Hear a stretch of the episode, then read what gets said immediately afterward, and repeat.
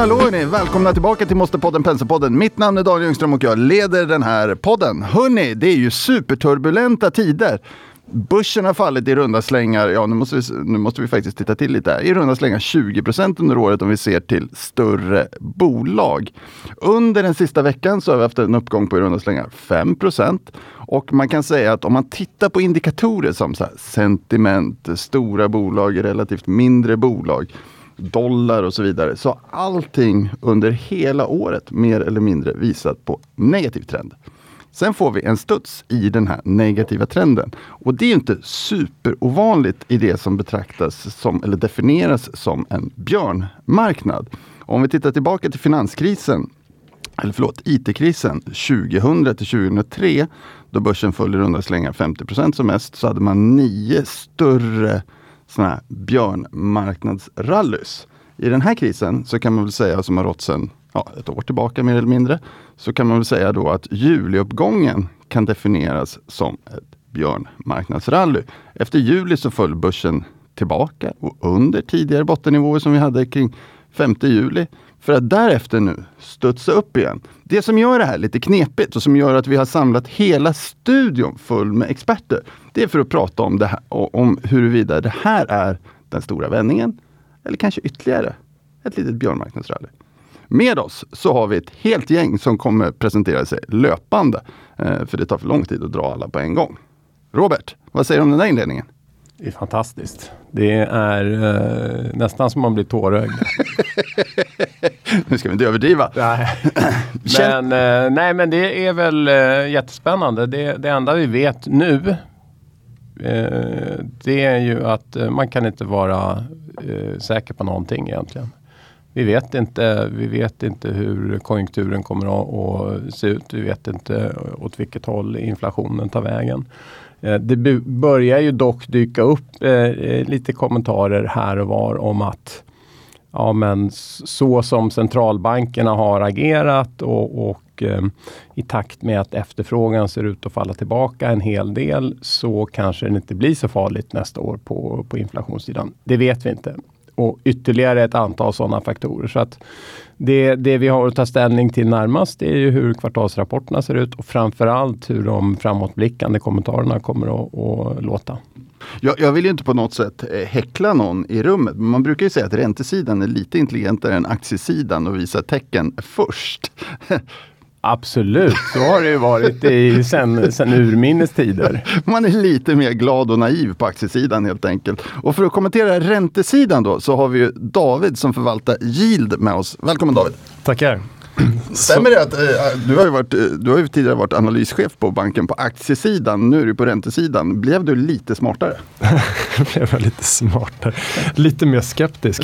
ja, det är väl det man är egentligen. Ja, men det är mycket mer att man tänker risk. Man ser så här, okay, men vad, det kostar så himla mycket av fel uh, på, på risksidan. Uh, att inte beakta riskerna tillräckligt. Och det är ganska tydligt uh, när obligationspris faller med 50% och sen mot uppsidan är ja, 7 8% per år. Det är liksom, det, proportionerna är stora där.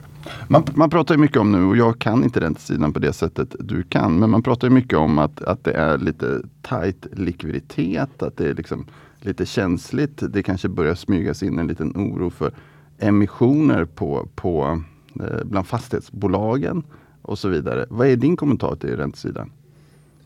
Ja, man pratar ju mycket med, eh, om centralbanker och styrräntor. Ehm, jag funderar ut ett exempel inför den här övningen eh, som är lätt att glömma bort. Man säger att okej, okay, vad har vi Stibor på nu? En, en och en halv procent någonstans. Ehm, mot noll för ett år sedan. Det är den lilla biten i den faktiska räntekostnaden för många bolag. Om man tittar på en del eh, obligationsemissioner som har gjort på sistone så blir det en, eh, faktiskt en dubblad finansieringskostnad. Vissa bolag som kunde finansiera sig på 4% för ett år sedan eh, har nu finansieringskostnad på 8 Och då är eh, från 4 till 8, okej, okay, 1,5% i Stibor men 2,5% i riskpremien i marknaden. Eh, och den effekten är som sagt betydligt större oavsett vad centralbankerna gör. Och den, den effekten är lätt att glömma bort i det här läget. Om jag ska då vara, komma med positiva nyheter. om vi pratar om den här tajta marknaden som man pratar om, att det är lite dålig likviditet och så vidare. Känner du av den? Uh, ja, det blir lite kärvt uh, ibland faktiskt skulle jag säga. Um, och det, stora penseldrag men om man bara tar, zoomar ut globalt så fem års uppgång utraderad. Alltså många kreditindex um, har ju tappat tvåsiffrigt i år. Um, så det är bara en signal om att ja, men det, det är tajt där ute. Sen har vi collateral uh, aspekten. Det drabbar även mig i fonden om jag valutasäkrar en del um, utländska innehav så behöver jag lägga in collaterals när kronan försvagas. Alltså säkerheter? Ja, ställa säkerheter då för utstående kontrakt. Och det är ja, pensionsfonder som har räntesäkringar för de har, lång, de har liksom en mismatch mellan då Va, Vad innebär det konkret för fonden då? Att du måste ta ner risken lite grann för att öka säkerheten? Ja, men du behöver likviditet. Och det, för en del fonder kan det betyda att man behöver sälja av innehav för att lägga in säkerhet och, och parkera de pengarna. Mm. Och återigen, då, då blir det liksom en brist på likviditet. Mm. Följer du flöden någonting på, på räntemarknaden? Ser du om det är utflöden från marknaden? Alltså, det vill säga att man säljer men återköper inte till exempel.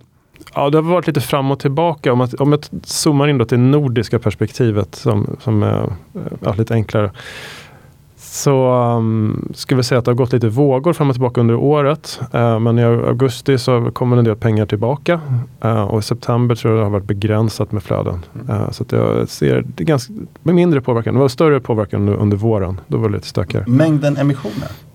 Ja, det är väldigt um, väldigt blygsamt. Så det, det, hjälper ju till för likviditeten att eh, som obligationsfond så får man, får man in um, kupongutdelningar. Och det är inte så mycket nya emissioner uh, och det kommer tillbaka en del pengar som man kan återinvestera. Så att, uh, ja, det, det underlättar ju att det inte är så mycket nya emissioner. Tänkte du säga något Robert? Nej, du bara rörde på dig lite. Jag vred på mig lite i stolen. men, simma, simma men, still. men däremot så, så man kan skjuta in att det här med, med riskpremien är ju intressant. Därför att det är ju framförallt det som vi har sett på, på eh, aktiesidan också. Eh, och egentligen i Alltså under, när det gäller small eller microcap under ett och ett halvt års tid. Vi har ju pratat om det i, i podden hur, hur bolag som vi tittade på, på för ett och ett halvt år sedan eh, hade ett avkastningskrav på, på kanske 12-14 procent eller vad nivåer som vi tittade på. Idag så samma bolag har, har avkastningskrav på kanske uppåt 30 och, och då är räntedelen eh, en och en halv procentenhet av det. Resten är eh, ett förändrat riskpremium så att egentligen oavsett hur det har gått för bolaget så har, har värderingen förändrats dramatiskt. David, om du, om du översätter, för du kan ju aktiesidan också. Tycker du att aktiesidan prisar alltså ser samma risker som räntesidan? Eller kan man säga att det ser ut som att det är mer eller mindre? Kan man uttrycka det så? Jag skulle säga att det, det skiljer väldigt mycket segment till segment. En del segment håller sig stabilare. Så det beror på vilken sektor vi menar. Men generellt så Du får välja en sektor. Du får välja en sektor. ja, um, ja, men med ta fastigheter så, så blir det ju en så, lite on the follow. Att uh, obligationsmarknaden har ju prisat en ganska uh, ja, ganska hög riskpremie och aktiemarknaden följer efter. Som, då blir det en hävstång på belånade verksamheter. Så blir det en hävstång och helt korrekt egentligen att aktierisken blir ju ännu större. Apropå då att eventuell nyemission för att eh, stabilisera upp eh, eh, belåningsgrader och annat. Kan, kan man säga Robert, och det kanske du kan kommentera på lite grann eh, också. Kan man säga någonstans att om man tittar på, på fastigheter till exempel att man gör inte superstor skillnad mellan olika typer av fastighetsbolag utan alla dras lite grann över en kam och så säger man så här fastighetsbolagen istället för att titta på olika bolags verksamheter och risker. Det tror jag egentligen eh, Rickard är bättre beskaffad att svara ja, på. Men vi hade, vi hade faktiskt en, en, diskussion om huvudstaden vill jag minnas eh, igår. Där vi fick en fråga om var, varför har huvudstaden klarat sig så bra? Eh, och det har Rickard ett bra svar på. Ja, det har jag faktiskt. Och det är ju, man kan säga att huvudstaden, det är två faktorer. Först och främst ska man ju prata om vad huvudstaden är. Det är ju en fastighetsägare som fokuserar på kontor och ett visst del retail. Och det är väldigt mycket ja, men Central Business District i Stockholm. Man kan ta de fina monopolgatorna, är det de som äger. Norrmalmstorg, Biblioteksgatan etc. Och även i Göteborg. Och huvudstaden har ju varit den fastighetsaktie som klarat sig bäst på börsen i år. Och det skulle nog säga beror på två, av två anledningar. ett, eh, den följde inte med upp efter covid. Eh, framförallt tror jag att det berodde på att man var rädd för detaljhandel och man var lite skeptisk till kontorsfastigheter. Så huvudstaden tog faktiskt aldrig igen covid-tappet. Och två är, är ju att det, det är det fastighetsbolag som har absolut lägst belåningsgrad på marknaden. Eh, och även räntetäckningsgraden är stark. Jag gjorde några räkneexempel att du skulle kunna, de skulle kunna betala en ränta som var faktor 4-5 mot vad det är just nu och fortfarande ha ett positivt kassaflöde. Skulle man då kunna säga att marknaden faktiskt gör skillnad mellan olika bolag? Uh, ja, jo, men det tror jag. De, de, bolagen som har gått ner mest i år har ju förmodligen varit de som har varit aggressivast. Uh, om man tar SBB som till exempel. Uh, så har ju de, de växte snabbast och nu har de gått ner mest. Och bostäder jämfört med kommersiellt då? Ja, alltså i teorin så är ju bo, svenska bostadsfastigheter så kan man ju säga att kassaflödena i dem är nog i teorin de absolut säkraste på marknaden. Eh, eftersom det är en hyresreglering som är satt efter att man ska kunna betala hyran. Så, och vakansrisken är tämligen låg, i synnerhet i större städer. Där skulle jag säga att där får man ju skilja då på finansieringen och tillgången. Tillgången som sådan är väldigt säker. Problemen kanske har varit att många bolag, bolag som äger bostadsfastigheter har varit ganska aggressivt finansierade. Och värdena på bostadsfastigheter har stigit, vilket har sett i väldigt låga direktavkastningar. Men om du, om du skulle investera endast med eh, equity så skulle jag nog säga att bostadsfastigheter är en av de fastighetsslagen som är av, med lägst risk. Men, men de har ändå drabbats ganska hårt i den här nedgången. Eh, jag skulle nog säga, Sett i aktiekurs i alla fall. Jag, jag, skulle nog säga att det, det, är mer, det är mer kopplat till finansiering, till finansiering och även då att värderingen av kassaflödena har kanske varit väldigt hög snarare än att kassaflödena är osäkra. Sen kan vi fundera lite på hur det ser ut med inflationsuppräkning. Sannolikheten för att det blir stora hyreshöjningar i bostadsbestånd versus det kommersiella. Så kanske man kan känna sig ja, lite tryggare med att det går att höja hyrorna mot affärssidan. I, I, din fond David, du kan handla både räntepapper och aktier till viss del. Yep. Eh, lite fokus på utdelning då. Eftersom yield heter fonden. så, så yield betyder avkastning. Det kan man hitta på lite olika marknader. Hur har du positionerat dig just nu? Eh, fortfarande väldigt liten del aktier. Utan att är huvuddel i, eh, i räntebärande. Huvuddelen i, i rörliga räntor. Um, men vi börjar nog börjat tassa in i fasträntekkuponger. Det säger att, att nå, någonstans här borde vi se en topp i räntebanor. Uh, hur, att, uh, hur har avkastningen förändrat sig på de papperna du köper nu om man ser till året? Ja men nu finns det ju många fastränteobligationer som ger 10% någonstans. De rörliga ligger ju också där nu med, med, med Stibor-uppgången. Eh, men om man tänker ett steg framåt med en, en räntor som toppar ur så blir det bättre med fastränteobligationer. Kan du ge ett exempel på ett papper du har i portföljen som har den här typen av avkastning så vi förstår vad vi pratar om? Um, ja, vi kan ta de här kära AT1 som vi pratat om tidigare. Ehm, Knepiga uh, grejer. Ja, precis. Hybridobligationer i nordiska banker. Um, där, där har varit ett säljtryck på sistone. Um, och du kan, ja, om du köper en Nordea till exempel på 67 eh, i, i cashpris som man säger, att det betalas 67 cent per dollar. Så, eh, och en kupong på 3,75 procent. Så eh, ja, kupongavkastningen är relativt låg men då värdestegringen i obligationen ska ju ge en stor del av avkastningen framåt. Och särskilt om det då räntorna toppar. Va, vad tror du att säljtrycket kommer av?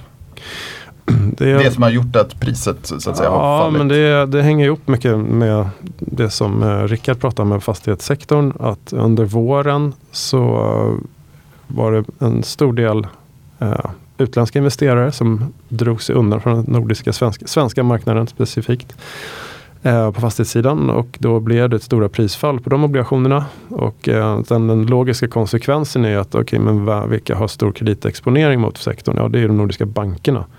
Och eh, om eh, ja, trenden fortsätter så finns det en betydligt ökad kreditrisk. Känner, och då känner drar, man, drar man sig ur och säljer. Så det, jag skulle säga så här, det är en förflyttning från ett antal utländska investerare som lämnar eh, de svenska bolagen. Kan, kan, man säga att du upplever du att du får en bra riskjusterad avkastning? Eh, ja. Känns det som att man har sålt lite för mycket? I det här segmentet, absolut, ja. Men därmed inte sagt att det kan kärva till sig ytterligare lite till. Om, liksom, är, vi, är vi precis på botten? Nej, det är jag är inte, inte helt säker på ännu, men det är tillräckligt billigt för att vara investerad. För att våga ta risken. Det, det, är bra att du inte är helt säker David, för vi är ju i den här björnmarknaden och det är ju väldigt, väldigt lätt att, att uh, faktiskt miss, missa eller misstolka en vändning från ett sånt här björnmarknadsrally. Ja absolut, absolut. Jag tycker inte alla boxar där än för liksom, positiva triggers. Vad vill du se som positiv trigger? Man vill se inflationen börja toppa ur. Man vill börja se um, också att ja, kostnader kommer igenom på, på rätt sätt. Att um, ja, företagen kan anpassa, parera, um, ställa balansräkningen i rätt nivå så man klarar de högre finansieringskostnaderna. Rickard, om, mm. om, vi, om vi hänger oss fast vid, vid fastigheter lite grann. Ja, fick du till det. och så, och så, så går vi vidare mot rapportsäsongen. Och så pratar vi lite schematiskt sådär och, och svepande. Vad, vad, vad, förväntar du dig att få se i, i, relation till vad som finns prisat i marknaden idag? Oj, det är, det en väldigt bra fråga. I vanliga fall brukar kvartalsrapporter vara ganska tradiga historier. Det, det händer inte så jättemycket. Undantaget är böjningen SBB när de hade ett väldigt högt transaktionstempo. Men det som skulle jag tycka var intressant att se det blir ju hur pass mycket man kommer att kunna indexera upp till exempel kommersiella hyresavtal.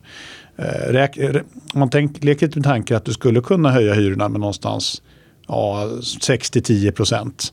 Då ser, ju faktiskt, då ser ju faktiskt den stigande finansieringskostnaden inte lika, inte li, lika läskig ut. Eh, en annan aspekt som jag tycker kommer bli intressant är att se EUC-värderingarna. Eh, det brukar ta ett tag innan det slår igenom.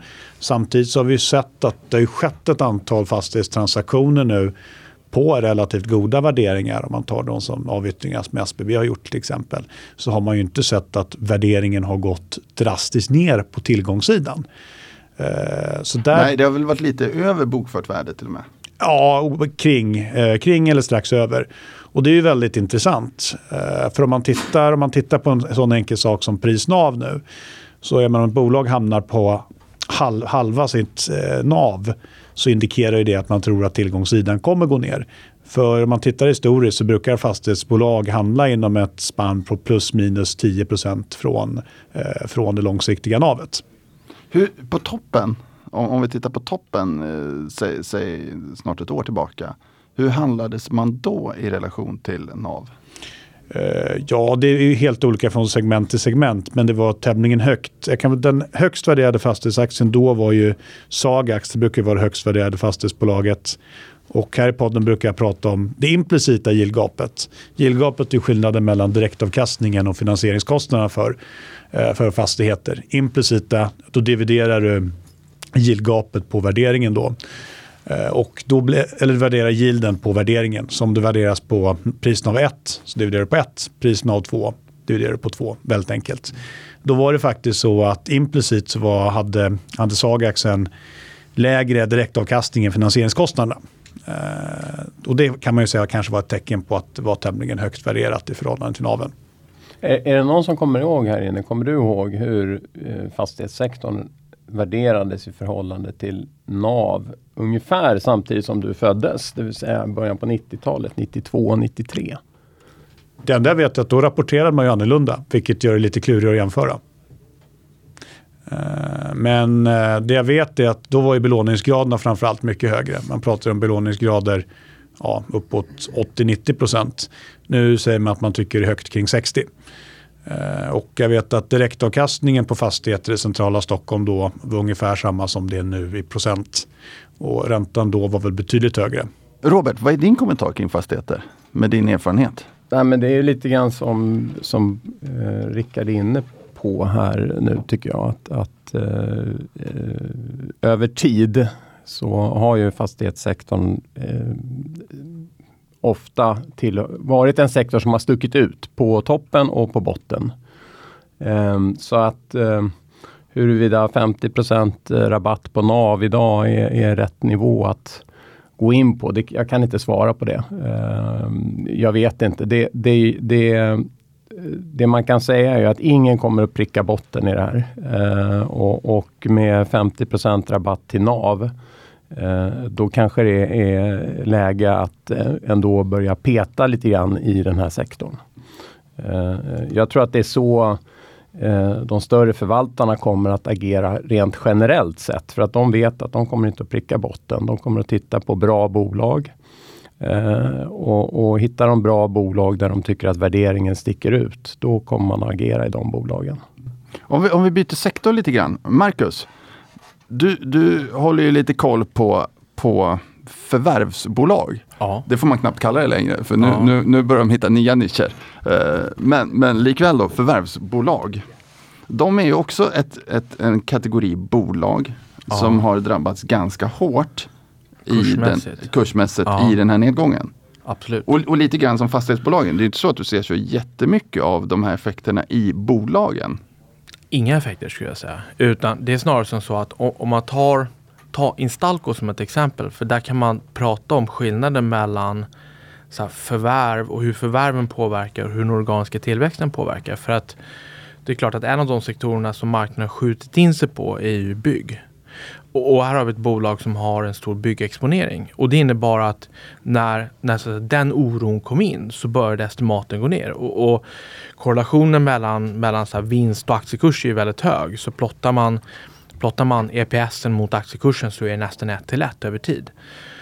Och vad vi då såg var att innan, så att säga, innan marknaden började att, eller så att säga, mina kollegor började att justera estimat och stoppa in förvärven så såg vi estimattrenden vända ner. Och sen så fortsätter förvärven bara rulla på, vilket betyder att det blir ett hack i kurvan och sen går den upp igen. Så jag skulle säga att vinstmässigt och med tanke på att 85% av tillväxten kommer från just förvärv så är det inte så konstigt. Så att i just förvärvsbolagen så pratar vi ju helt och hållet multipel, alltså vilken multipel ska vi sätta på det här? För att vinsttillväxten är ganska klar. Så att vi måste liksom landa i en multipel som är långsiktigt hållbar någonstans. Och där är vi, det är ju fortfarande osäkert vart vi kommer landa någonstans. Men helt klart har aktiekurserna drabbats väldigt, väldigt hårt. Men det är ju också, ska jag säga, bakgrunden där är väl en finansieringskostnad. Att man utgår från ett bolag som lever på att köpa andra bolag är klart att finansieringen blir ju oerhört viktig. Och där skulle jag också säga att det finns en distinktion här mellan, där måste man gå in och titta på hur bolagen i sig finansierar förvärven. Och det är klart att ett bolag som i princip enbart använder internt genererade medel för att fortsätta göra förvärv. De kommer ju fortsätta sin resa lite oavsett vart så marknaden i övrigt tar vägen någonstans. Och då är det snarare som så att om finansieringskostnaden går upp så kommer priset på objekten gå ner och så finansierar det med internt genererade medel så blir det ju lättare och, och man kan istället accelerera tillväxten snarare än att, att man tar stryk av det. Sen finns det andra bolag För, som... för fråga ja. Marcus, tycker du att marknaden behandlar bolag som, som kan finansiera sig med, med egna, med egen, alltså med, med löpande kassaflöde, förvärven med löpande kassaflöde på något annat sätt än de som finansierar sig på något annat sätt? Nej, det skulle jag inte säga. Jag skulle säga att marknaden hanterar snarare historik kontra ingen historik. Snarare än hur man finansierar. Så att ju längre historik du har, vi har en grupp som har funnits på marknaden väldigt, väldigt länge. Och den gruppen värderas i en egen kategori. Och sen så har vi resten. Om man, om man då tar då som ex- exempel och har Ja. historien som, som utgångspunkt och tittar på å ena sidan bolag som Lagerkrans och eh, kanske Indutrade som, Ja. som Ja. Liksom, eh, tydliga förvärvsbolag och ställer det mot till exempel Storskogen och Vestum. Ja, precis. Och sen har vi Instalco någonstans där mittemellan. Och du, nu, nu tar du ju så här ex, de två extremerna och sen har vi de som är där mittemellan. Och, och det är klart att Alltså Storsto, Storskogen har ju i sin tur en an, lite annan affärsmodell och har haft en betydligt högre förvärvstakt och kanske finansierat det på lite annat sätt och de har haft en lite annan prisbild och de har också använt fler brokers än de andra har gjort. Medan, det traditionella förvärvsbolaget använder sitt nätverk för att investera. Men, men här tycker jag både i Vestum och i Storskog, Storskogen, där har vi ju en väldigt kort historik. Storskogen har funnits i tio år men den har inte varit listat mer än ett år. Så vi har ju begränsad historik även om bolaget har funnits väldigt länge. Vestum är ju nytt på alla sätt och vis. Det är listat kort tid och det har funnits i kort tid.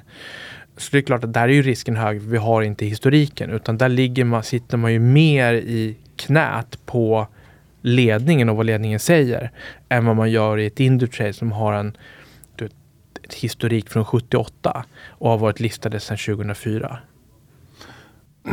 Vi har, vi har ju ibland eh, från tid till annan också diskuterat det här eh, fenomenet som har, har, dykt upp lite grann de senaste fem, fem åren bland förvärvsbolagen. Hur analytikerna börjar att lägga in förvärv i sina prognoser. Yeah. Eh, och, och, det där är ju så att säga en modell som eh, man överhuvudtaget inte använde för 10-15 år sedan utan då, då var det liksom den organiska verksamheten som, som värderades. Och, och, hade man då höga kassaflöden då, då, då fick man en effekt i till exempel en multipel som free cash flow yield, alltså där man värderar kassaflödet.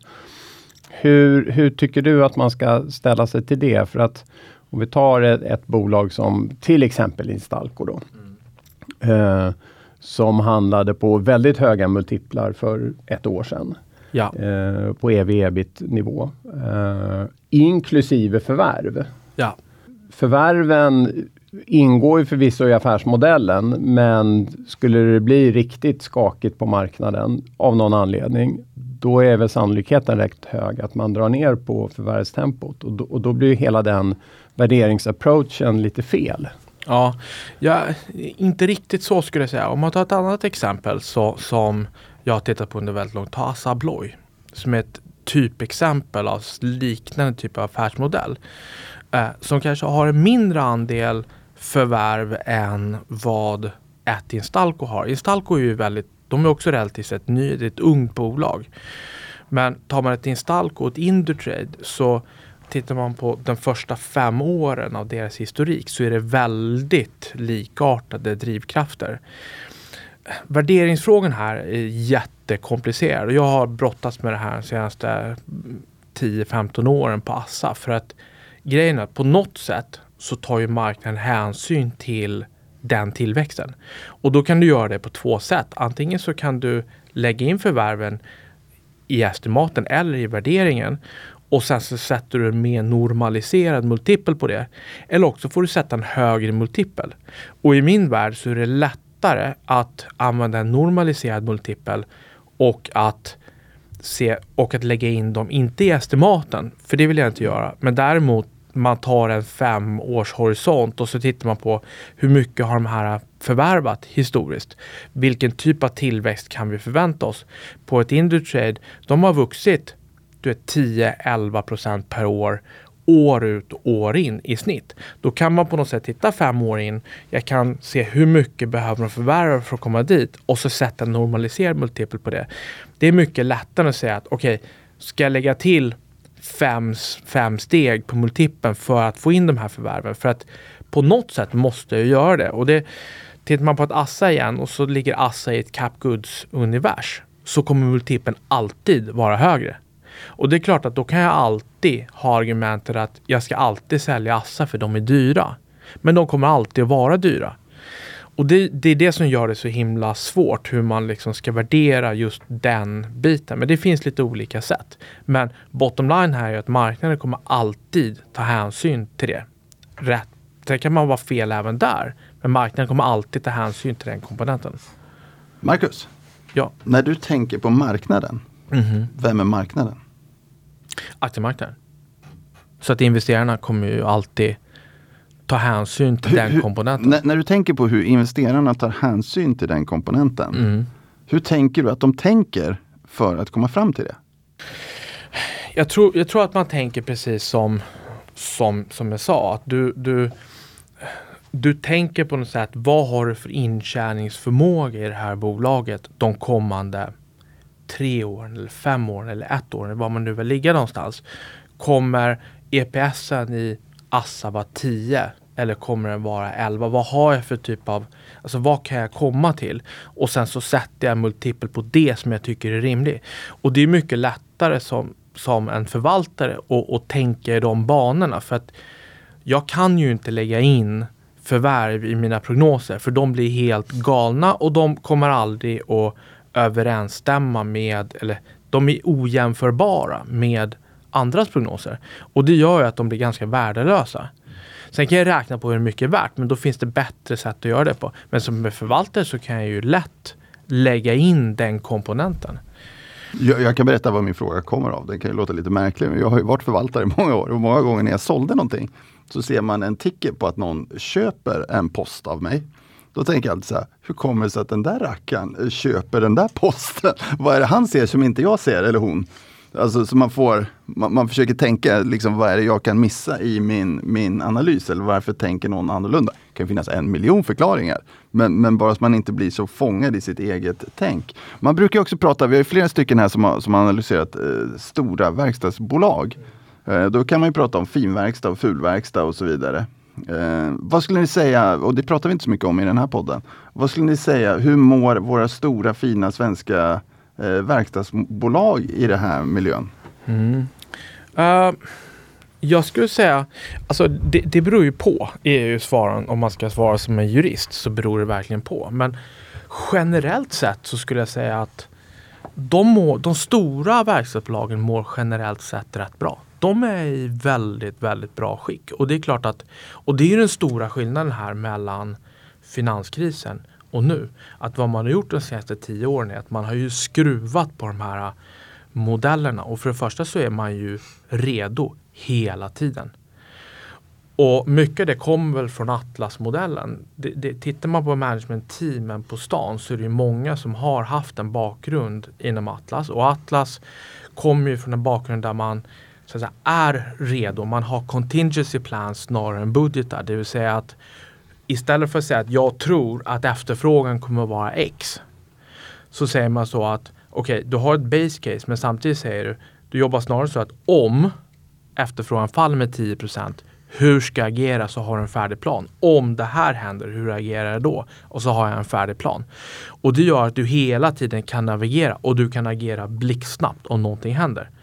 Så att och det är det ena. Och det andra är att balansräkningen är av en helt annat slag än vad den var 2008-2009. När vi sprang in i liksom en jätterecession förra gången. Om det nu blir en jätterecession. På vilket sätt skiljer sig balansräkningarna? De är mycket starkare. Mm. Man, har, man har mindre skulder i förhållande till eget kapital? Betydligt mycket mindre skulder. Uh, och, och så, här, så här, både operationellt och finansiellt så är man i ett helt annat skick. Men det är väl det ena. Sen så, så kan vi prata om efterfrågan och där, där finns det ju jättemycket att säga. Så vi kommer säkert tillbaka till det under, under den här podden. Uh, men inte rent, hade tänkt det, men nu när du säger det så kan vi Men rent, liksom, re, rent hur de, alltså vilket skick de är i, så är de ju i väldigt bra skick. Och sen så finns det en faktor här som man absolut inte får glömma bort. Och det är dollarn. Uh, och just för verkstadsbolagen så är ju det kommer ju göra sån enorm skillnad. Mm. Och, och, det är en ganska så klassisk fråga sedan 1872. Vilka gynnas av den här starka dollarn? Om, om, man uttrycker sig så här, den främsta om jag tittar på Atlas och deras kompressorer så, så, och tittar på hur, vad som har drivit vinsten de senaste 5, 6, 7 åren så är det USD. Punkt. I princip. Så att det blir ju jätteviktigt. Och nu när vi har på de här nivåerna så det skapar ju en kudde. Så även om, även om volymerna kommer ner, vi vet ju inte exakt hur, alltså hur brant den här nedgången kommer att bli. Men de ledande indikatorerna, och vi kommer säkert tillbaka igen till alla de här frågorna, men de ledande indikatorerna faller ju handlöst för tillfället. Eh, och det är klart att det kommer återspegla sig i efterfrågan för industrivaror. Och sen så kan man ju alltid diskutera om det är så här, är det, är det investeringsvaror eller är det, är det liksom knutna till industriproduktionen? Och det kommer att se lite annorlunda ut och så kommer det vissa som klarar sig bättre och så vidare. Men generellt sett så kommer ju efterfrågan nu ner drivet av konsument. Där vi redan ser trycket på konsumenten och vi har inte riktigt sett det på industrierna i siffrorna. Men vi ser det i de ledande indikatorerna. Uh, men igen så blir dollarn blir, för att hålla uppe marginalerna, så kommer dollarn spela stor roll. Vad skulle du säga på den här frågan David? Jag skulle addera Volvo, eh, Elux eh, och Assa som är bra dollarvinnare. Eh, men erfarenhet som analytiker var ofta att så här, ja, okay, när du drar upp valutaeffekterna på den positiva sidan. Det då aktierna fortsätter att trenda neråt eftersom ja. dollarn är riskindikatorn. Star stark dollar signalerar att äh, men, det, ja, riskpremien är hög. Så att, och när det vänder så börjar man hyvla ner estimaten och dollarn, när dollarn viker, och då är vi på väg upp. Så att jag, ja, jag ser den cykeln. Så, så sentimentet, alltså marknadssentimentet är starkare än, än ja. resultateffekten ja, för aktien? Ja, absolut.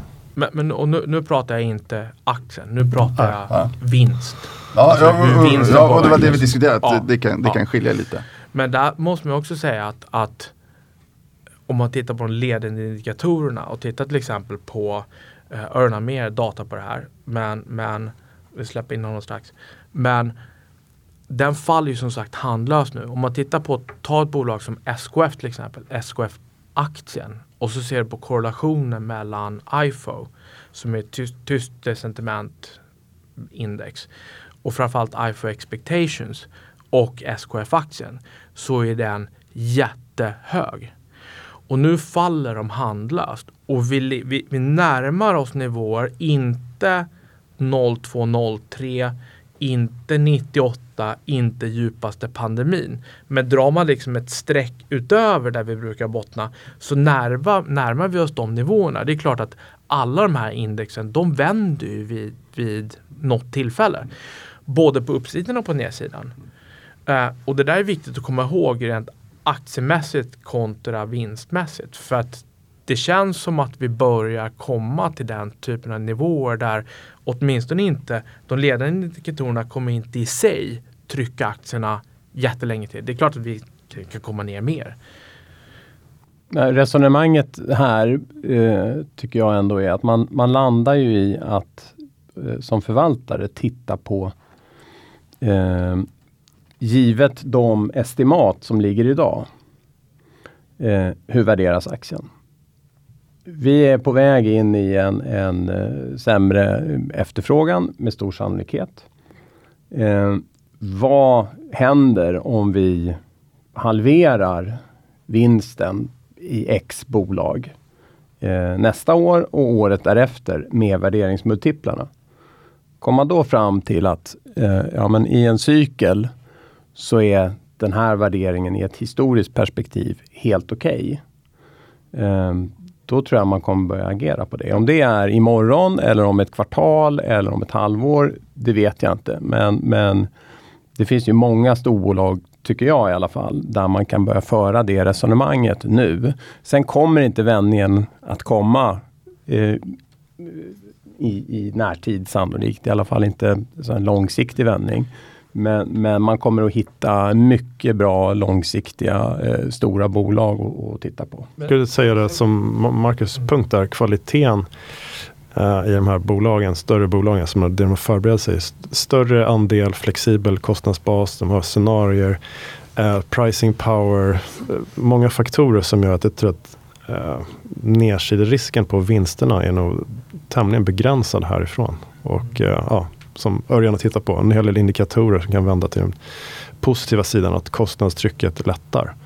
Så att, men däremot om man ser vikande efterfrågan slår ju ofta hårdare då i underleverantörsledet. Att de får en större hävstång då på, på den negativa sidan. Ör, Örjan, vänta, vi släpper in Örjan en gång. För nu har han stått bredvid här och vi har refererat till Örjan många gånger. Örjan, vad är dina tankar kring den här frågan? Jag har försökt göra lite spaningar in här då. Eh, jag kan konstatera att man börjar i USA, det är ofta där liksom vi börjar titta, det är den största ekonomin och de, de, vi tenderar att ha det som, som någon form av ledstjärna i det här. Och tittar man den sista då, PMI-datan, så vänder den faktiskt upp från 43 till 49. Och det var tjänstedelen som drev det här. Så det ska man liksom ha, för sig, ha, ha klart för sig att konjunktursignalerna är lite mixade i det här läget. Um, manufacturing, alltså verkstad, industri, den, den delen. Den var klart svagare. Den såg en ny, nya order, kom in på 47 mot 51 förra gången. Employment, som är alltså anställningsplaner, kom in på 49 mot 54. Så här ser vi en klar försvagning.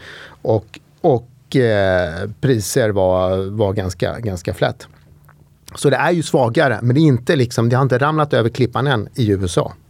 Nej, och det är väl det, det är ju en poäng i sig. Att, att USA är eh, tydligt bättre än vad både Europa och Asien är. Ja, och, och, Sverige, för tittar vi på Sverige, här fick vi ett order, eh, då ska jag säga, på, på en svenska inköpschefsindex, då föll ju eh, ordern ner till 40, 46.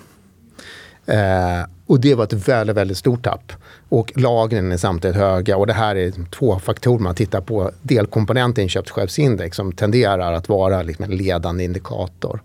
Så att det, det, är olika regionalt men vi börjar se att, att det sker saker och ting på indikatorer. Men jag roade mig lite grann också att titta på lite mer hårddata. Och då kan jag konstatera att industriorderingången i Sverige den föll i årstakt i augusti från att ha varit positiv under väldigt, väldigt lång tid. Så att det börjar ske saken, saken på riktigt i det tredje kvartalet. Vi pratar fortfarande orderingång, det är inte vinster. Så att det, man ska liksom ha klart för sig också att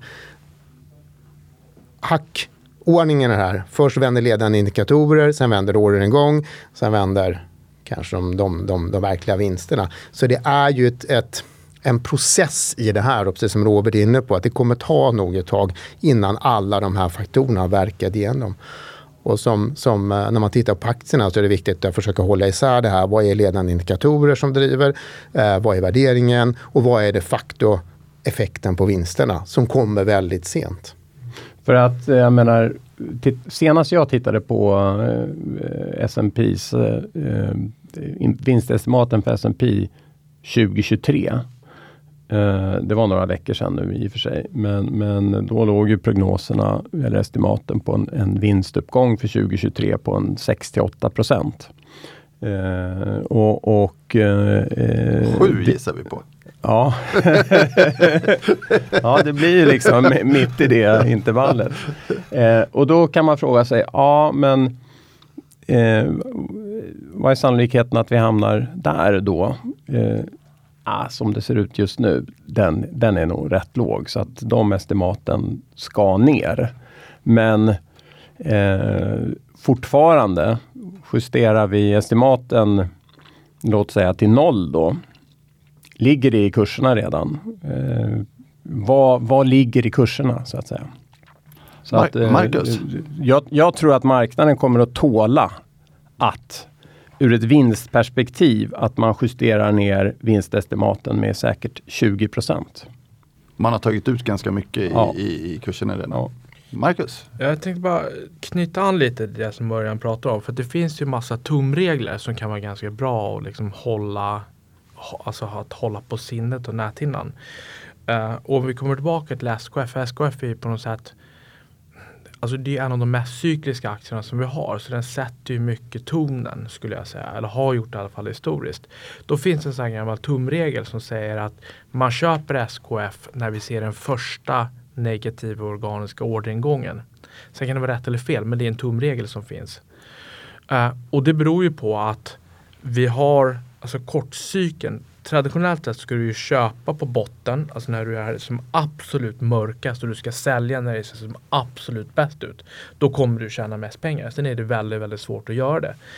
Men en kort cykel, en negativ cykel är ofta fyra till fem kvartal. Och därför är det, väldigt, det är väldigt svårt att pricka botten och därför så köper man när det liksom operationellt går på minus. Och hur ser, om man tittar på cykeln, om man jämför SKF med Atlas Copco, den, det är ju också rätt intressant. Ja, och, och där, där måste du ju, när du tittar på bolag som Atlas Copco eller som Sandvik eller större konglomerat så måste du titta på, det är olika i olika typer av affärer som de har. Men tittar man på kompressorerna så är ju den ser i stort mönstermässigt likadant ut. Alltså vad gäller liksom organiska tillväxten. Sen har de ju andra segment som vakuum som drivs av mera strukturella faktorer. Sen har du industriteknik som drivs av bil. Men industricykeln påverkar de här på samma sätt. Men, men stämmer det att du ser eh, trendskiften eh, snabbare i SKF Ja. än i Atlas. Ja, så är det. Och, och, och det, det är ju i Sandvik Machining Solutions som är deras gamla toolingverksamhet, de skärverktyg och SKF. Det är ju det mest cykliska vi har. Men på, efter det så kommer ju kompressorerna. Där har, säg att du har kanske en 1 till 3 månaders orderbok på ett kullager och du har 6 månaders ledtider på en mediumstor, mellanstor kompressor. Så det är ju samma typ av cykliska mönster som vi ser i Svar ja. Med olika magnituder. Jag såg igår, och vi kan prata om något annat nu. Nu blev det ju oerhört tekniskt det här. Det här är inte på nivå jag är. Hörrni, en annan grej igår. Igår så, så rapporterade nätbankerna, utan att nämna någon, eh, utflöden eh, för första gången. Eh, det är ju lite speciellt. Fonderna rapporterade också ganska stora utflöden. Och då, då kan man ju säga någonstans så här att, jag pratade i ett annat sammanhang om någonting som kallas för, för eh, finansiella bubblor och, och ett begrepp som kallas för självmatande finansiella bubblor. Nu kommer vi in på någonting som heter psykologi. Det vill ingen i det här rummet prata om. Men jag vill göra för det, för det, jag tycker att det är lite relevant för, för den marknaden vi ser. Och då kan man säga så här att när man får en finansiell bubbla eh, eller vi gör så här, vi utgår från att marknaden inte är rationell. I skolböckerna utgår man från att marknaden är rationell. Vi utgår många gånger från att investerarna är hyggligt rationella. Eh, forskning indikerar ju att så kanske inte alltid är fallet. Men när man gör en modell så är det väldigt svårt att ta hänsyn till att folk inte tänker på ett eh, vad ska man säga, klokt och strukturerat sätt. Utan man drabbas av lite psykologi. Här har man många gånger använt ord som så här, fear of missing out, FOMO och så vidare. Och, och vad det egentligen säger då, det är att när någonting börjar gå upp så får det lite attention. Och eh, ju mer attention någonting får, ju fler söker sig dit. Och när man då gör avkastningsprognoser och annat så tenderar man att ta ganska stor hänsyn till den avkastningen som har varit relativt mycket i närtid bakåt. Så, så man tänker sig att eh, 20, 2020 eh, var ett bra börsår.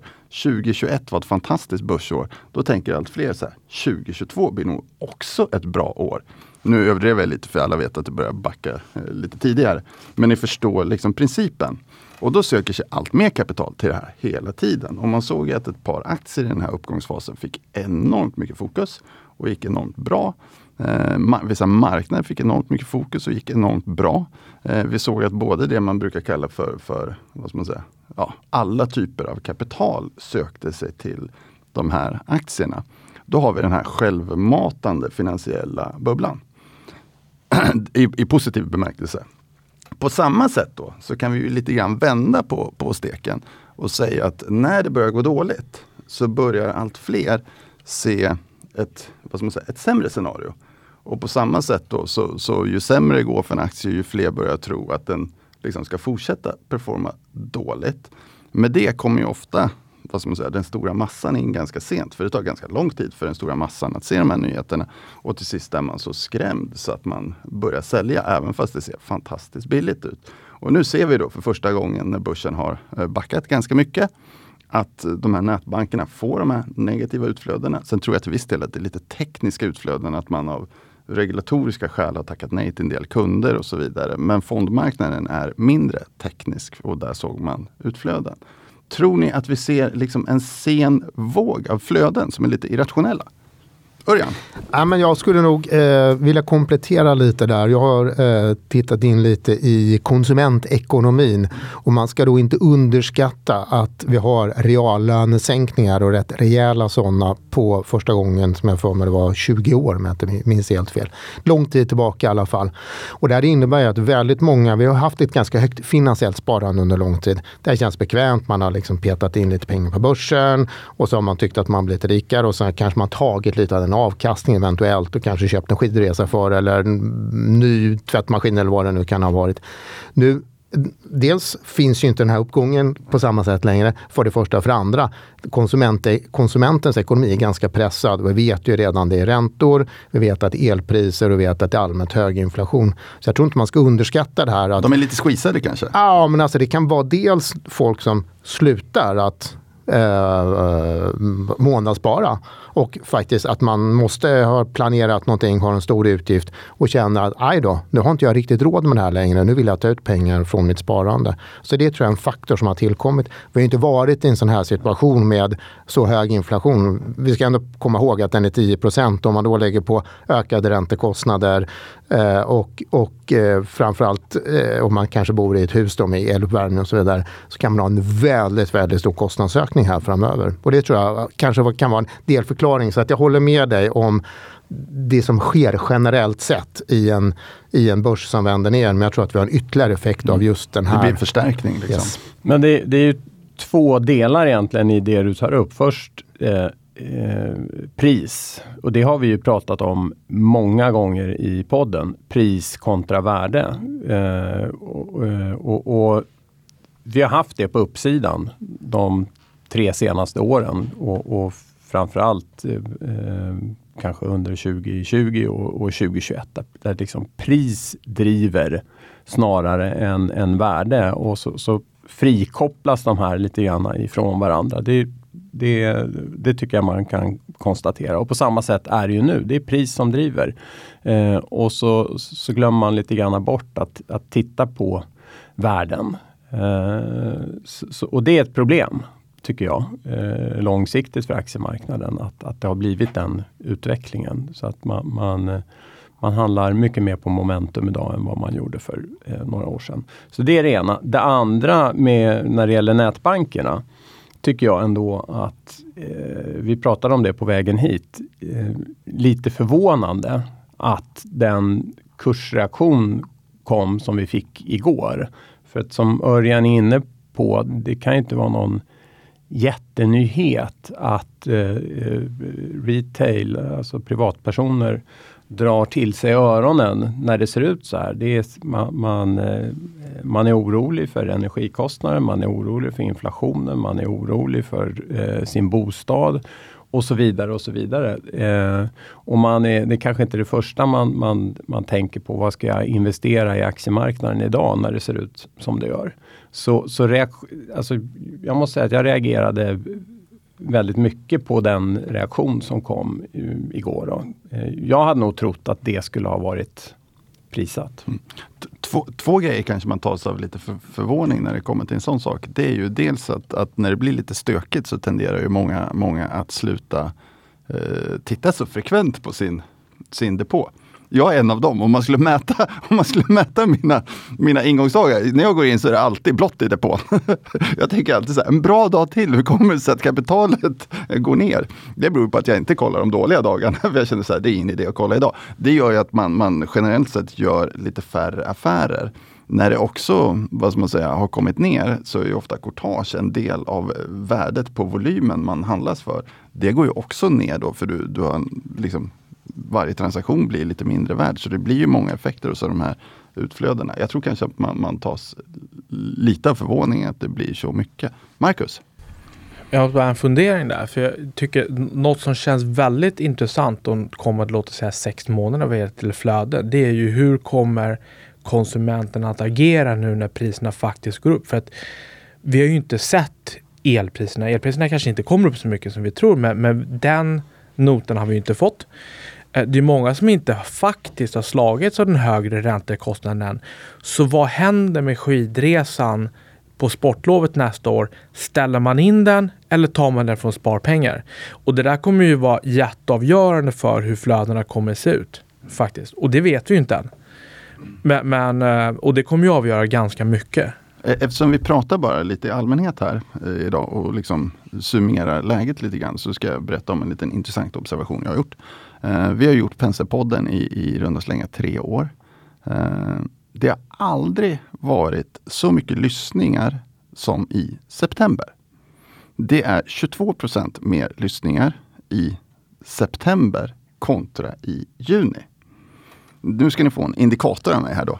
Jag tolkar det som att i juni, då var det många som var lite skraja och man hade fokus på annat i stor utsträckning. Eh, så, så det var mer så här, trogna lyssnare som alltid lyssnar. Förstår ni? Liksom, som, som hänger med och lyssnar in. I september, för att nå den där höga siffran, Då kan man säga, då krävs det att fler än de trogna lyssnarna faktiskt är inne och lyssnar. Och normalt sett så faller ju många undan när det blir lite stress. Eh, man, man, det är många som säger så här, jag var frekvent lyssnare på poddar 2021. Nu ligger jag lite lågt och det är för att man, så här, det är roligare att lyssna när, när det går bra helt enkelt.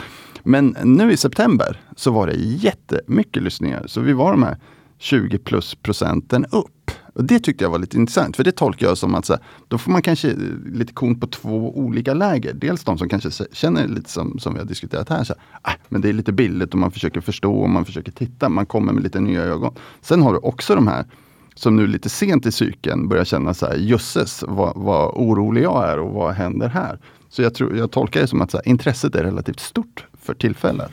För mig att det var positiva inflöden i ett antal fonder under augusti ändå. Att en del ser att okej, okay, här är en möjlig vändning. Mm. Sen skulle jag tänka den andra gruppen, apropå den här, om man nu har suttit med hela resan ner och tänker vad gör jag nu? Och det som Marx är inne på också här, att okej, okay, besluten framöver, att hur ska vi finansiera vintern och finansiera vinterns elräkningar och eh, skidresan och aktieportföljen då är ner kanske 25-30 procent. Mm.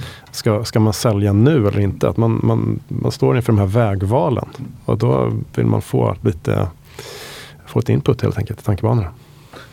Ett, ett, par, ett par spaningar till då. Man ska nog inte heller glömma att det har varit ganska tacksamt att använda bostaden som bankomat under väldigt, väldigt lång tid. Alla har inte den möjligheten, men många har ändå.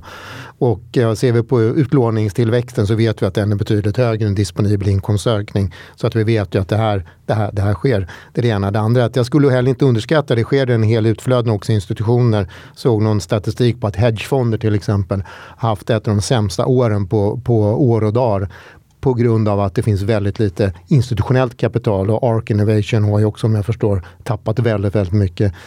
Och där tror jag också att det finns en del institutionella pengar. Så att det är inte bara retailflöden utan jag tror att det är, det är generellt en, en allmän riskaversion mot, mot eh, eh riskfyllda tillgångar.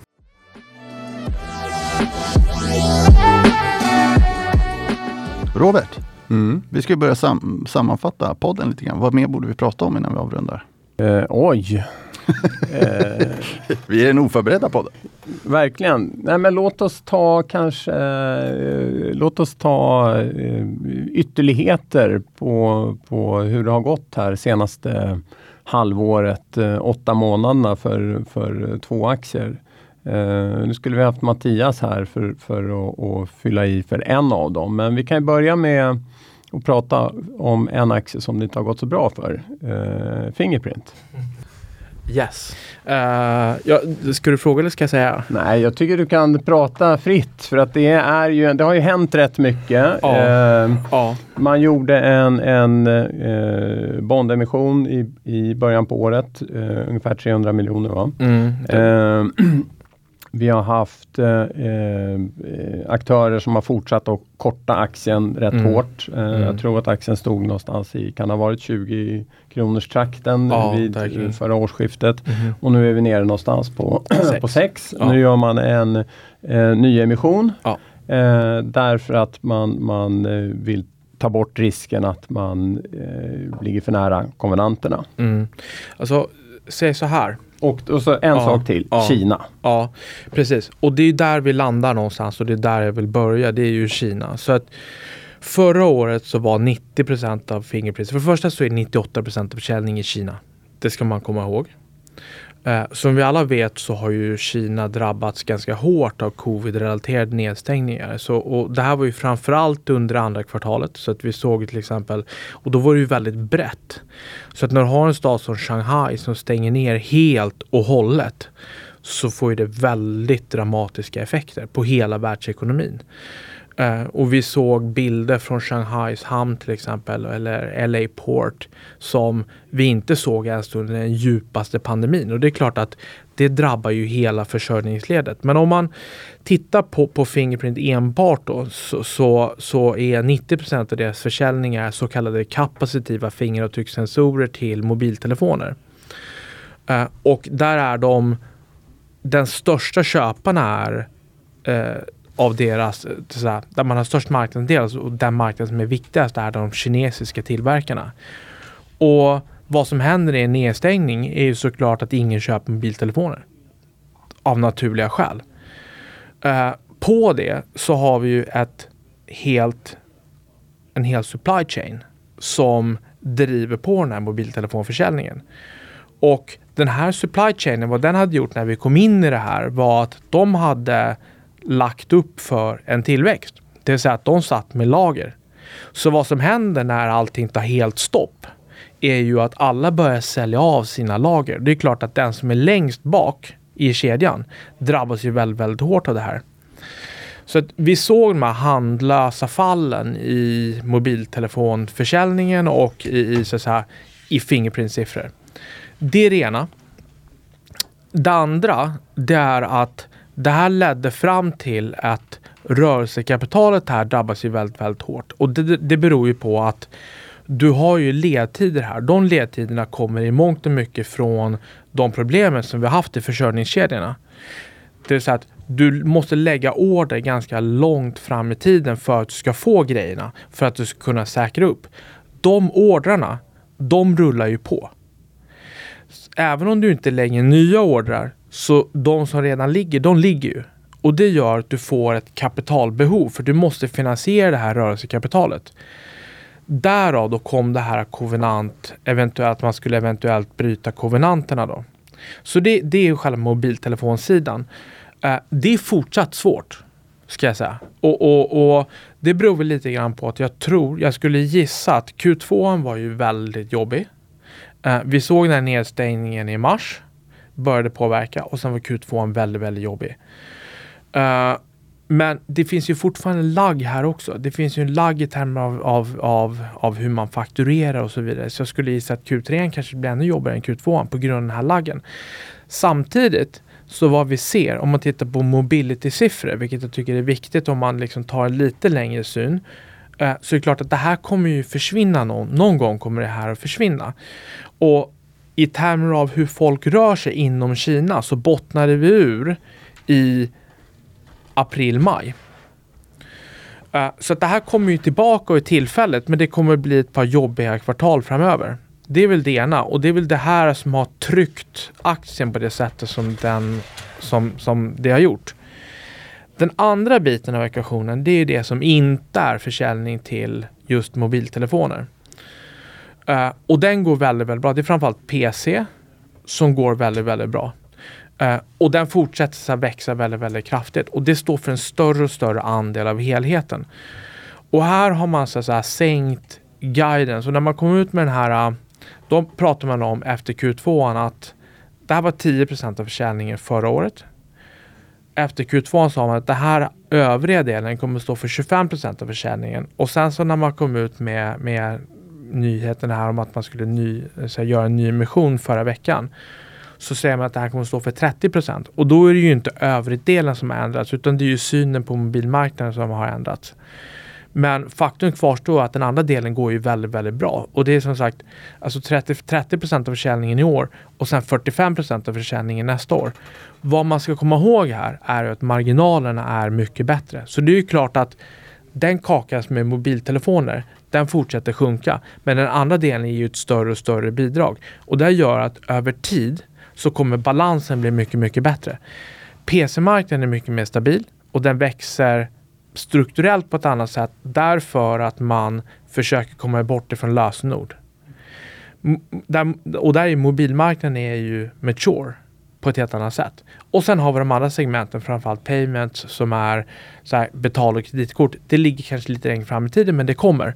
Men den här delen av kakan där vi kanske har bruttomarginaler på 40 till 50 procent, den växer och kommer ge ett större och större bidrag framöver. Så att vi har de här två olika bitarna som vi på något sätt måste försöka förhålla oss till. Den långsiktiga bilden som är fortsatt ganska positiv oavsett mobiltelefonerna och vad de kommer att göra.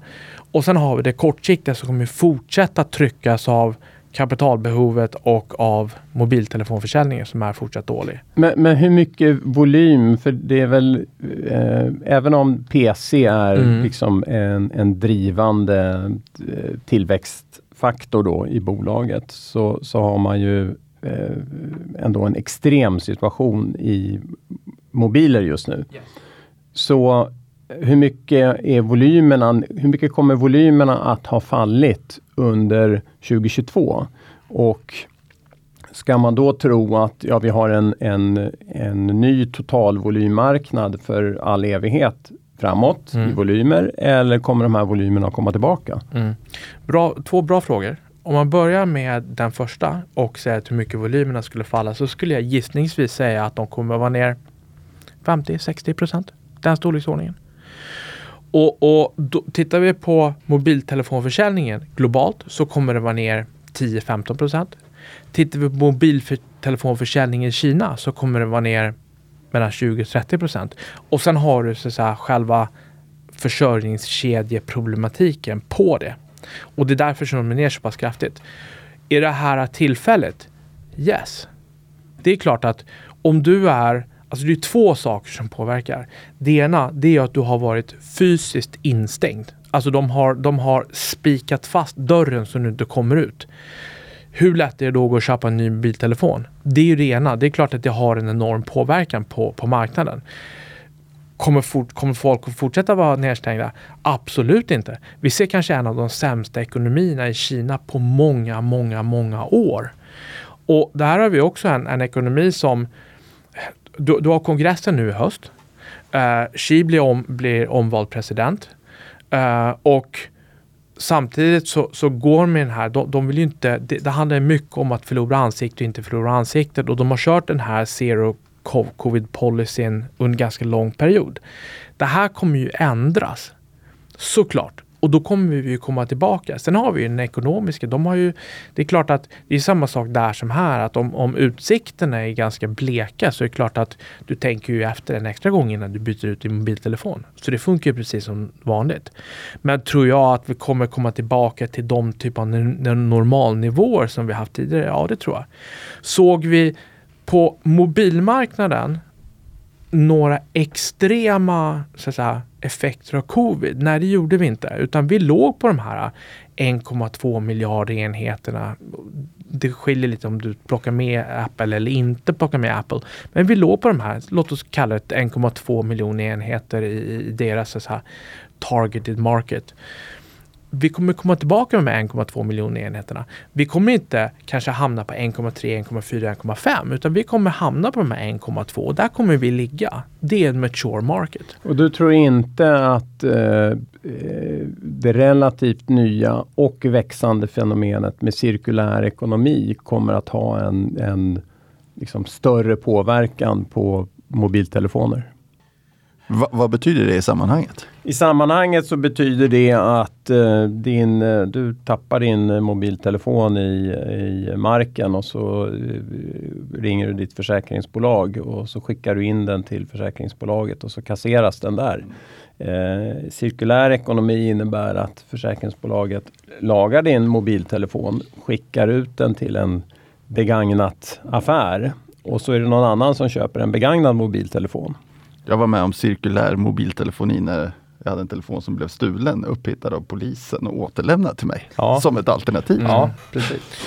Nej, alltså, om man på något sätt utgår från att det är klart att folk kanske överlag kommer att bli fattigare framöver. Vi kommer inte ha samma typ av tillväxt som vi har haft historiskt. Om, om, om jag tittar på mig själv. Förlåt, förlåt ja. att jag avbryter. Nu tänker inte jag ur ett liksom, ekonomiskt perspektiv utan jag tänker ur ett hållbarhetsperspektiv. Ja, man använder dem längre helt Det vill enkelt. säga man, man istället för att bara kasta sin telefon eller istället för att köpa en, en helt sprillans ny telefon så köper man en begagnad telefon eller man använder sin telefon längre därför att man ja. vet att eh, man, man, bidrar positivt till, till eh, global hållbarhet. Ja, jag, jag, jag tror, det här är min högst personliga åsikt, men jag tror inte att jag tror inte att var, varje enskild person kommer att för vissa kommer det här vara en jätteviktig faktor.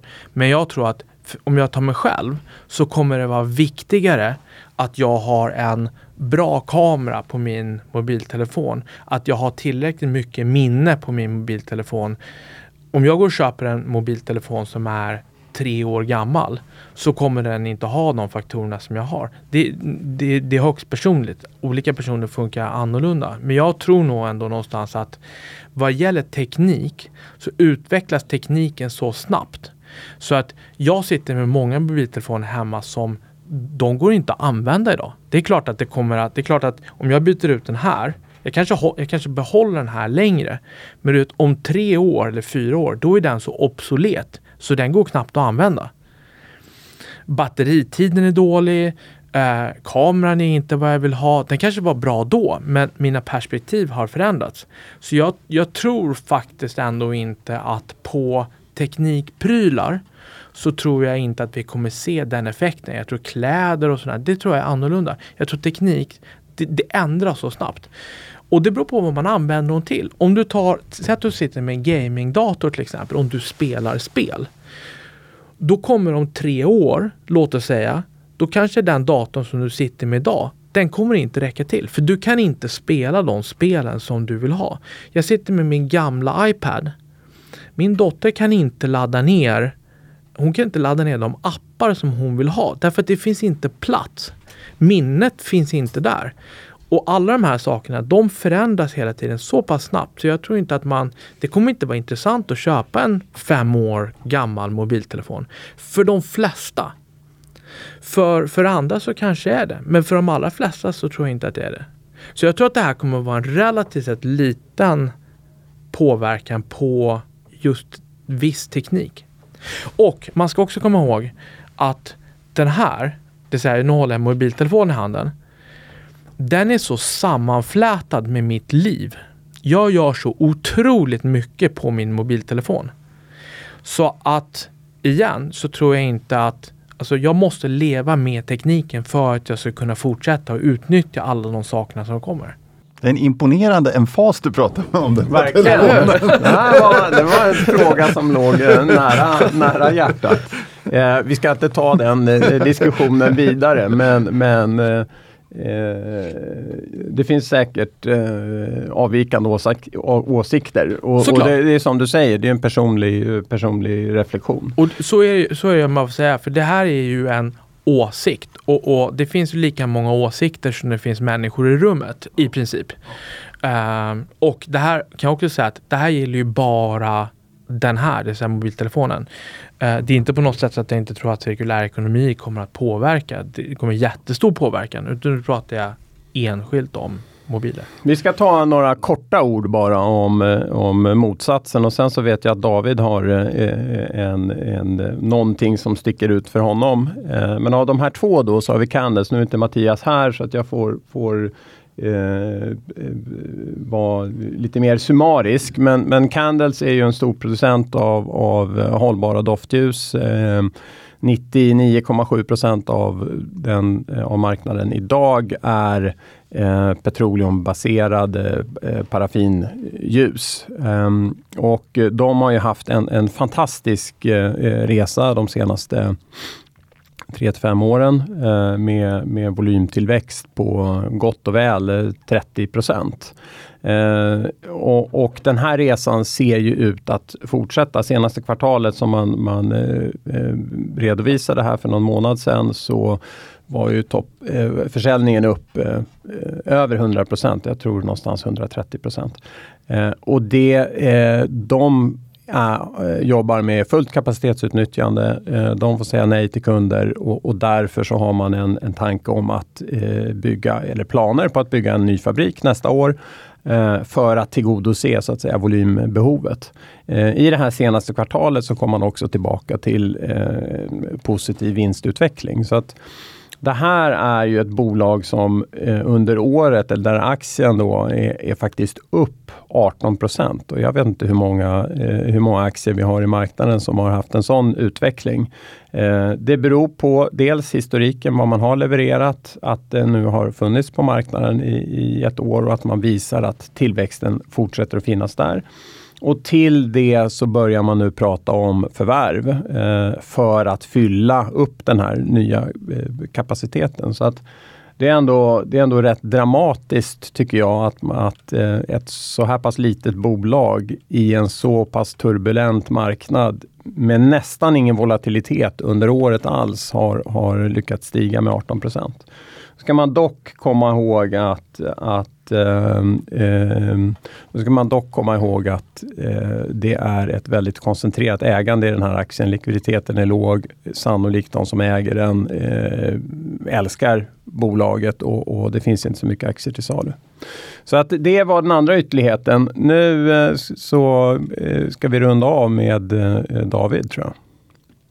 David? Ja, men jag har tagit över en småbolagsportfölj i banken så att jag kan väl instämma i det Roberts eh, kommentarer om, om, om, Candles och lägga till möjligen att när vi gräver ner lite grann här att vi ser möjligheten att öka produktionen eh, lite till även i befintlig, befintliga lokaler. Så att man ska kunna hålla en eh, hög produktionstakt och en tillväxt i den eh, medan man bygger en ny fabrik. Men det är, det är sådana här case som man vill se i det här läget. Att du har en, en tydlig vinsttillväxt. Uh, ja, och att ja, det strukturella caset är där. I en omställning då till mer hållbara doftljus. Hade du något annat som stack ut David? Uh, nej. Se, uh, selection, kan du inte säga några ord om det? Ja, Selection är uh, bankens uh, småbolagsportfölj som är paketerad som en produkt. Um, och um, den har ju tagit uh, lite stryk i år hittills. Men uh, det är ett antal innehav där som går bra. Som Candles till exempel. Uh, Teckningen och några andra. Um, vi ser väl nu ett, ett intressant läge framöver. Um, att om vi är nära botten i marknaden så att många av de här småbolagen är ju tillväxtbolag. Och det är ju att den på attraktiva multiplar och eh, strukturell tillväxt i det, bolagen. Det är lite mer microcap, eller hur? Om man ja. ska vara lite sådär hårddra. Vad är de största innehaven? Om du... Ja, jag vet inte, om Hexatronic är det kanske inte microcap, men ja, beror på var man drar, drar gränsen. Men det är microcap till några småbolag. Och du har relativt nyligen tagit över förvaltningen av, av fonden också. Uh, hur, alltså vilken uh, investeringsprofil uh, kommer du att jobba med framöver? Lönsam tillväxt. Och eh, beakt med då kreditbakgrunden att se att kapital kostar. Så att just där, hur mycket kan man då ja, egenfinansiering eller då tillgång till eh, kapital på attraktiva nivåer för att då funda den här tillväxten.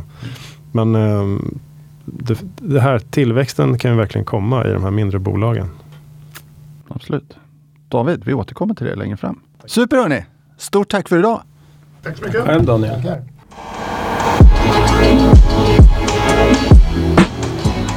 Denna podcast är utgiven av Erik Penser Bank och är avsedd att marknadsföra bankens tjänster. Vissa bolag som nämns kan därmed ha något samarbete med banken i form av fondförvaltning, analystjänster, certified advisor-uppdrag med mera. För mer information om dessa tjänster, fondförvaltning och även bankens hantering av eventuella intressekonflikter konflikter, vänligen se bankens hemsida www.penser.se. Vänligen notera att investeringar i finansiella instrument inklusive fonder är förknippade med risk. Historisk avkastning är ingen garanti för framtida avkastning. De pengar som placeras i finansiella instrument kan både öka och minska i värde och det är inte säkert att du får tillbaka hela det insatta beloppet. Ingen del av Penserpodden ska uppfattas som investeringsrekommendation. Informationen är heller inte att betrakta som investeringsrådgivning då den inte tar hänsyn till mottagarens specifika investeringsmål, ekonomisk situation eller kunskap. De uppfattningar som redogörs för i podcasten återspeglar de medverkandes uppfattning för tillfället och kan därmed ändras. Externa gäster i Penserpodden framför sina egna åsikter som kan avvika från bankens uppfattning. Banken frånsäger sig därmed allt ansvar för investeringsbeslut och för direkt eller indirekt förlust eller skada som grundar sig på mottagarens användande av informationen i podcasten.